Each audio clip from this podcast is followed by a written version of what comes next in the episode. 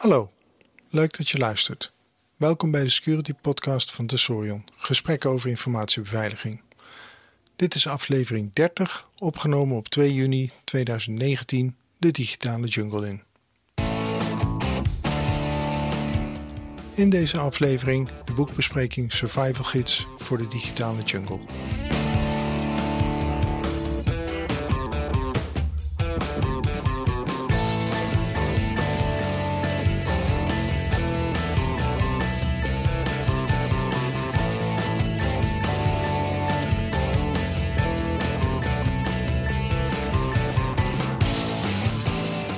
Ik ben Lex Borger en dit is een solo podcast. In aflevering 24 heb ik het boek Unhacked van Rian van Rijbroek besproken. En dat was eigenlijk een vernietigend oordeel. Het was ook eh, een beetje prijsschieten in de kermis. Rond diezelfde tijd kwam er nog een ander boek uit. Dat was van Brenno de Winter onder de titel Survival Gids voor de digitale jungle. Ik denk dat het compleet toeval is dat deze twee boeken tegelijkertijd op de markt kwamen. Maar ik vind het wel zo eerlijk om ook het boek van Brenno eh, te reviewen. Het was voor mij iets moeilijker om dat te pakken te krijgen. Daar waar je voor het boek Unhacked gewoon eh, naar de boekhandel kon gaan, dat bestellen en binnen een paar dagen, ik geloof twee dagen later, eh, mee weglopen, was het iets moeilijker om dit boek te pakken te krijgen. Denk dat dat is omdat Brenno het deze keer in eigen beheer uitbrengt. En dat geeft wat opstartproblemen. Maar uiteindelijk door een uh, speciale delivery, door Brenno zelf naar de boekhandel, heb ik het toch nog in handen gekregen. En het leuke daarvan is, is dat hij er ook een uh, mooie opdracht voor mij in heeft gezet. Als je gewoon op afstand gaat kijken, dan denk je van de twee boeken dienen bijna hetzelfde doel. Als ik het voorwoord lees, dan uh, begint Brenno met het vertellen dat er allerlei vormen van digitale criminaliteit zijn. En dat het lijkt alsof dat heel moeilijk is om daar jezelf tegen te bewapenen. Hij geeft toch daarna wat hoop. Hij zegt: uh, Dit is geen reden om ons hoofd te laten hangen. Daar waar een uh, goed fietslot de kans op diefstal verkleint, is er een digitale wereld genoeg actie te ondernemen om onszelf te beveiligen. En verderop, het is in veel gevallen eigenlijk niet eens zo ingewikkeld om je beter te bewapenen tegen bedreigingen. Het verricht al wonderen als je je simpelweg bewust bent van risico's en logische maatregelen neemt. Bij deze digitale zelfverdediging wil ik je helpen. Door je als gebruiker, kenniswerker, ambtenaar, zorgverlener of ondernemer de weg te laten vinden in een onzichtbare wereld met vaak ogenschijnlijk onzichtbare bedreigingen. Ik wil laten zien dat je veel zelf kunt doen. Natuurlijk zijn er grenzen aan die mogelijkheden. Daarom blijft het belangrijk om tijdig hulp of een second opinion te vragen als je er niet tijdig uitkomt. En hiermee zie je dus dat uh, heel duidelijk is dit boek geschreven voor juist niet de security expert, maar meer de IT-gebruiker die met security te maken heeft. Of dat nou is zijdelings vanuit zijn werk of uh, vanuit een uh, interesse. En dat is dan ook wat ik in mijn achterhoofd had toen ik het boek las. Een ander ding wat nog in het colofon erbij staat is ook wel interessant, want het vertelt iets over hoe het boek gemaakt is. Er is zeer veel energie gestoken in het zo goed mogelijk krijgen van de inhoud. Zeer kundige experts hebben naar het werk gekeken en bakken met feedback gegeven. Maar het onderwerp waar we ons mee bezighouden is nu eenmaal risico's. Ondanks veel inspanningen blijft de kans op een veiligheidsincident zullen er fouten te vinden zijn om te verbeteren. En als je dan ook in het boek de lijst met beveiligingsexperts die ernaar gekeken hebben bekijkt, dat is uh, echt een uh, who's who van de Nederlandse beveiliging. Naast Brenno eigenlijk al deze mensen bedankt voor het uh, mee, ja, meemaken van, van dit boek. Dan gaan we naar de inhoudsopgave en ja, die is ook vrij logisch. We gaan van een inleiding naar een hoofdstuk. Wat beveiligen we eigenlijk. Doodzonde in de digitale beveiliging, leren van fouten, omgaan met risico's, risico's bestrijden met maatregelen, het totaal onverwachte, de zwarte zwaan, spionnen, boeven, hackers en digibeten, privacy- en beveiligingswetgeving, volle kracht vooruit, de digitale hygiëne. Toch gaat het mis, het beveiligingsincident en een nawoord. Dus eigenlijk een ja, bloemlezing langs alle aspecten van de risicoanalyse, de omgevingsfactoren van cyberbeveiliging, cybercriminaliteit, actoren. Ja, ze komen allemaal netjes aan bod. Dit allemaal gelezen hebben, verwachtte ik dat ik een boek had waar ik zelf nauwelijks nog meer iets aan opmerkingen aan kon eh, geven. En ik moet zeggen, dat is grotendeels ook waar. Vooral het middenstuk van het boek, wat gaat over de risico's, uh, wat er gebeurd is, achtergronden, wat je eraan kunt doen. Uh, de, de, harde maatregelen, de zachte maatregelen. Ik had er een paar kleine opmerkingen bij, maar ik kon daar vooral alleen maar mee eens zijn. Het is eigenlijk twee aspecten in het boek waar ik toch toe kom dat ik wat meer opmerkingen heb. En dat zijn hoofdstuk 2 en hoofdstuk 10. Hoofdstuk 2, wat beveiligen we eigenlijk? Je zou denken dat is een uh, open deur. Maar het is toch moeilijk, omdat bepaalde dingen in mijn uh, ervaring toch anders zijn dan zoals Brenno ze snel opschrijft. En ik probeer hier in mijn achterhoofd te houden dat dit opgeschreven is voor de simpele gebruiker. Ik geef een voorbeeld. Op bladzijde 20 zegt uh, Brenno: In sommige gevallen moet het zelfs mogelijk zijn om acuut vertrouwelijkheid op te heffen. Het kan zijn dat een normaliter vertrouwelijk en niet toegankelijk medisch dossier opeens wel beschikbaar komt voor een behandelaar in geval van nood. In dit soort bijzondere situaties wil je soms vooraf faciliteren. Ben het helemaal mee eens wat hij hier beschrijft als maatregel. Met één uitzondering is dat je heft daarmee de vertrouwelijkheid niet op, maar je geeft toegang met een afweging. En daarmee blijft die informatie in feite nog steeds even vertrouwelijk, maar gegeven de omstandigheden heb je ineens een need-to-know situatie die ontstaat, die dan eh, meegenomen moet worden in de afweging van of je wel of niet toegang geeft.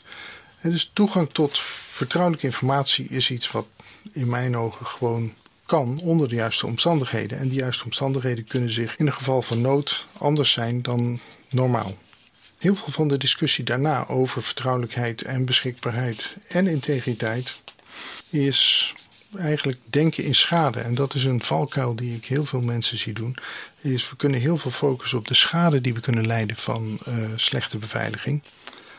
Maar het is ook belangrijk om te denken aan juist de meerwaarde die we kunnen creëren door een goede beveiliging. En dat doen we in mijn ogen vandaag toch wat minder. Daarom had ik het leuk gevonden als dat uh, in dit boek wel benadrukt werd. En als we dan de CIA triad nemen of de, de BIF-indeling, uh, die geeft hij speciale aandacht. En daarbij zegt hij ook van in de praktijk valt het op dat beveiliging vooral gedacht wordt aan het vertrouwelijkheid en geheimhouding. Daar hebben we het net over gehad, over vertrouwelijkheid. Uh, wie oefent met het klassificeren zal snel ontdekken dat integriteit een zwaartepunt vormt in de belangenafweging.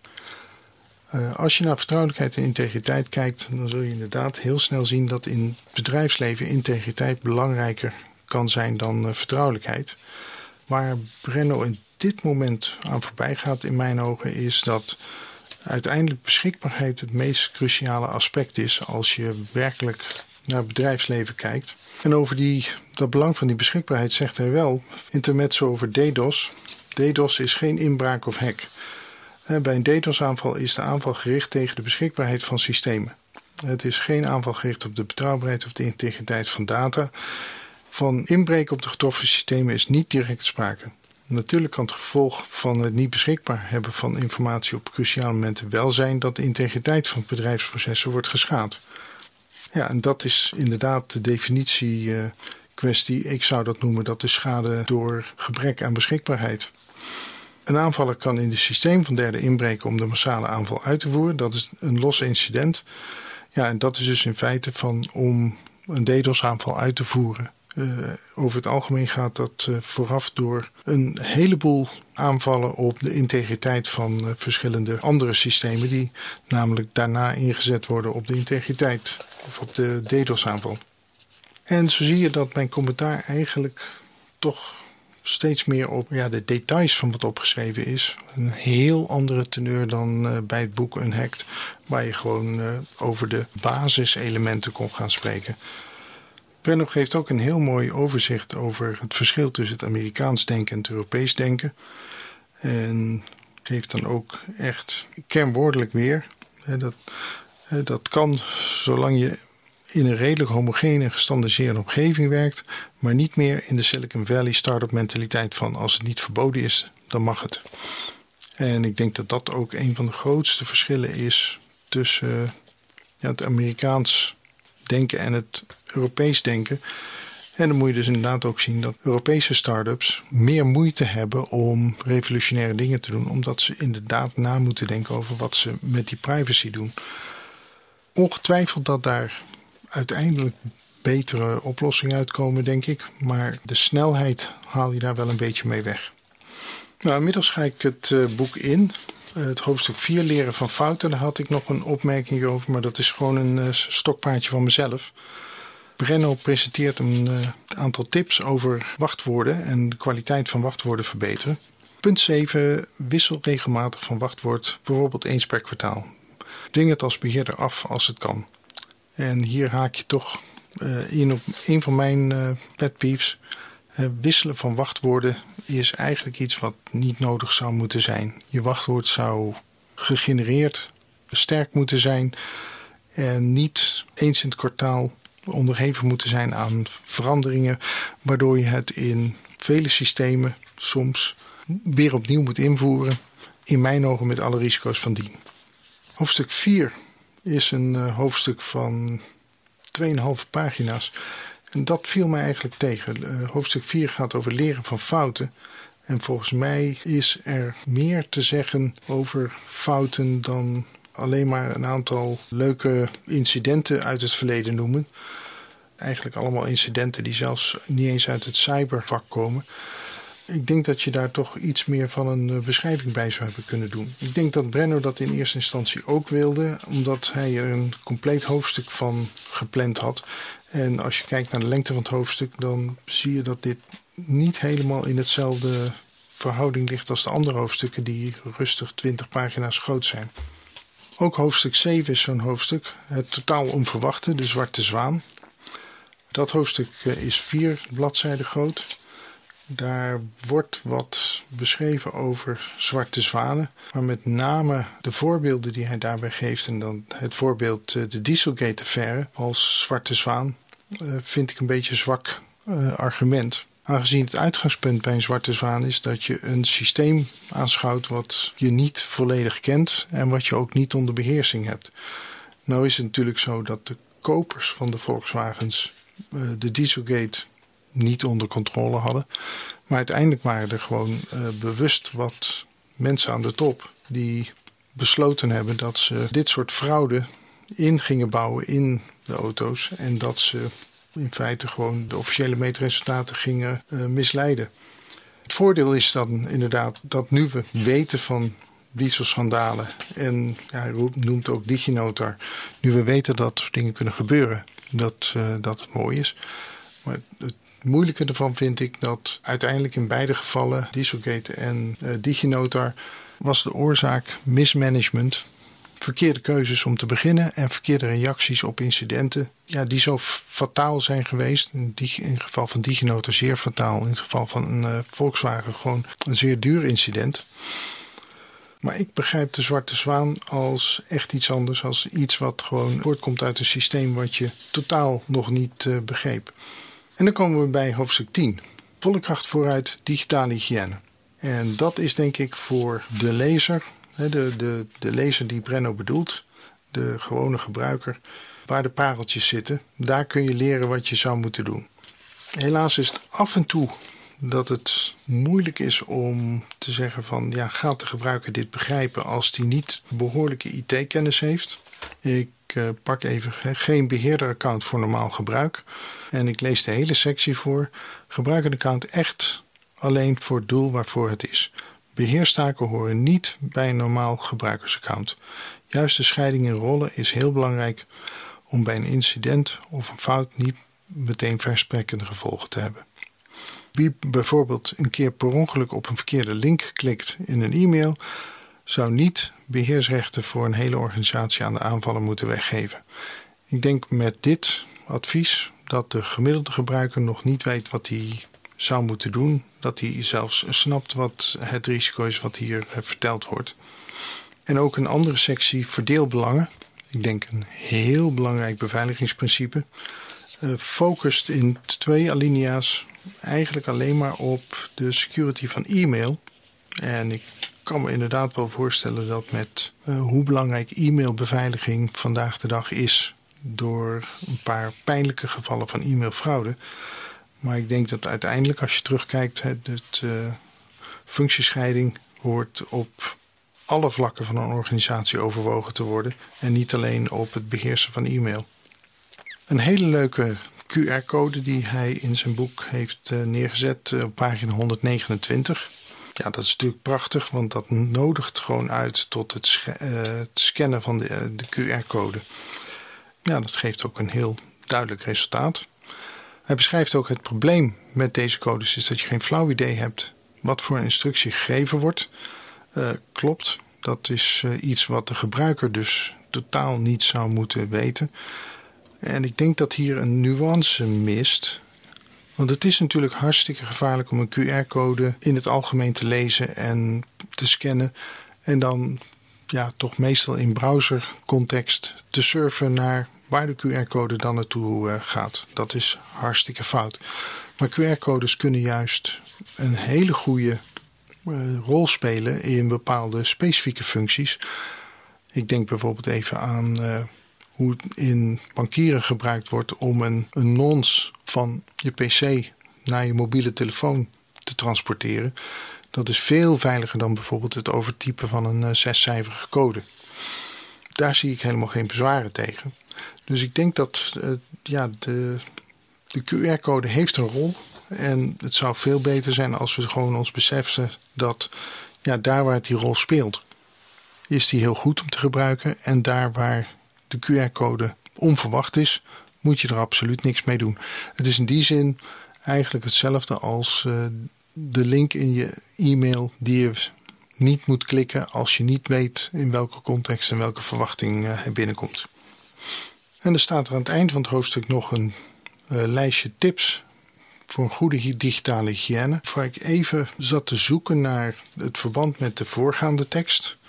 Het lijkt een overlap te hebben met de tekst ervoor. Maar tegelijkertijd lijkt het ook nieuwe informatie eh, toe te voegen. Dus je krijgt het idee dat er eigenlijk twee lijstjes met tips in het boek terechtgekomen zijn die naast elkaar staan en die je allebei moet doorwerken om een compleet beeld te hebben.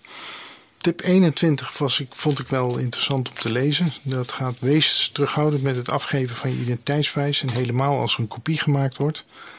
Alleen onder strikte voorwaarden mag een kopie gemaakt worden door bijvoorbeeld overheden, notarissen en banken. In veel gevallen mag het niet. Ja, hier staan een paar hele goede tips. En kunnen het er allemaal helemaal mee eens zijn dat dat de regels zijn, zoals we die als burger begrijpen. Wat ik eigenlijk hier schandalig vind, is dat heel veel partijen uh, je nog altijd dwingen om wel een kopie van je identiteitsbewijs af te staan. En als burger voel je dan heel snel, ja, je moet ter plekke kiezen. Je moet iets uh, laten doen wat je, waarvan je denkt dat mag niet. Maar de andere partij probeert je te overtuigen van ja, wij mogen dat wel in dit geval. dit is iets waarbij ik denk dat de overheid veel beter zou kunnen helpen om dit heel duidelijk te maken van wie mag het en wie mag het niet. En daarmee dit punt gewoon onmiskenbaar sterk te maken. Voor de burger een empowerment te geven van nee, wacht even, op de overheid zegt dit en het staat niet op de lijst, dus het mag niet. Het laatste wat ik wilde zeggen over het boek is, ik vond het jammer dat er geen index in zit. Ik weet dat dat moeilijk te maken is en dat dat veel tijd vergt om een goede bruikbare index te hebben. Maar zeker met uh, hoeveel informatie in dit boek staat, was het wellicht wel handig geweest om er een te hebben. Uh, misschien voor een uh, komende druk. Het boek lijkt mij heel goed. Ik zou het zonder meer aanbevelen om cadeau te doen aan de doelgroep. Ik denk dat je hiermee uh, grote hoeveelheden gebruikers happy mee kunt maken, kunt informeren. En uiteindelijk is een goed geïnformeerde gebruiker voor de security expert ook heel prettig om mee om te gaan. Dus al met al zeker een aanrader en zeker ook een aanbeveler. Dus bij deze Brenno, dankjewel voor het boek. Deze aflevering zit weer op. Ik wil graag jou, de luisteraar, bedanken dat je de podcast beluisterd hebt. Mocht je willen reageren naar aanleiding van deze aflevering, stuur mij dan een bericht. Mijn Twitter-handle is @lexborger. Ik ben consultant bij Tesorion. Onze website is www.tesorion.nl. Deze podcast komt eens in de twee weken uit. Afleveringen zijn te vinden als nieuwsitem op onze website. Je kunt je abonneren op de podcast via feedlink https www.i2i.nl feed podcast. En dan sluit ik hierbij af. Tot de volgende keer.